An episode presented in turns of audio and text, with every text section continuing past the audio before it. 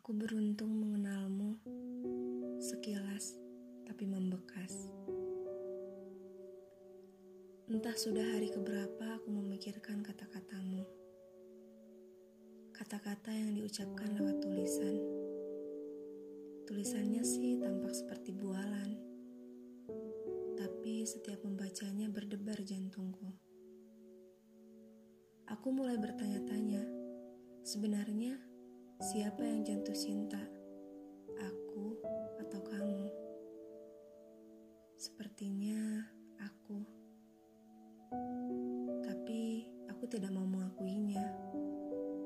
Karena hatiku terketuk oleh sikapmu, bukan oleh hatimu. Sebenarnya aku lebih tak mau lebih dulu membuka hati karena aku orang payah yang takut patah hati. Walaupun begitu, aku tak bisa berhenti untuk sekadar dekat. Ya, menyapa harimu dengan senyuman, mengusik hidupmu dengan keluhan. Akhirnya, aku terperangkap nyaman. Sayangnya, aku bukan peramal yang bisa tahu apakah kamu mempunyai perasaan yang sama atau tidak. Aku tetap membiarkan nyaman itu mencipta kenangan. Meskipun akhirnya aku yang memutuskan untuk pergi. Kamu yang selalu menjadi alasan untuk membuatku merasa bersalah. Merasa bersalah karena aku tak pernah mengakui terang-terangan bahwa aku jatuh cinta kepadamu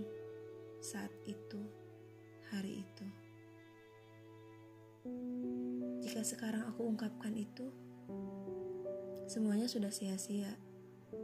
Bagaimana bisa pergi lalu kembali dan meminta hati? Bagiku itu adalah hal yang tak pernah bisa. Mungkin saja aku sudah ada yang mengisi hati, atau kamu yang sudah tak peduli dan tak sekhawatir dulu lagi. Lagi-lagi aku menyesal, pura-pura tak pernah terjadi apa-apa. Merasa perasaanku hanya sebatas di bibir saja. Nyatanya, aku masih saja selalu ingat kapan terakhir kali kamu baik sekali kepadaku. Dan kapan terakhir kali kamu lupa siapa aku. Kamu, kamu bukan rindu, tapi kenapa selalu?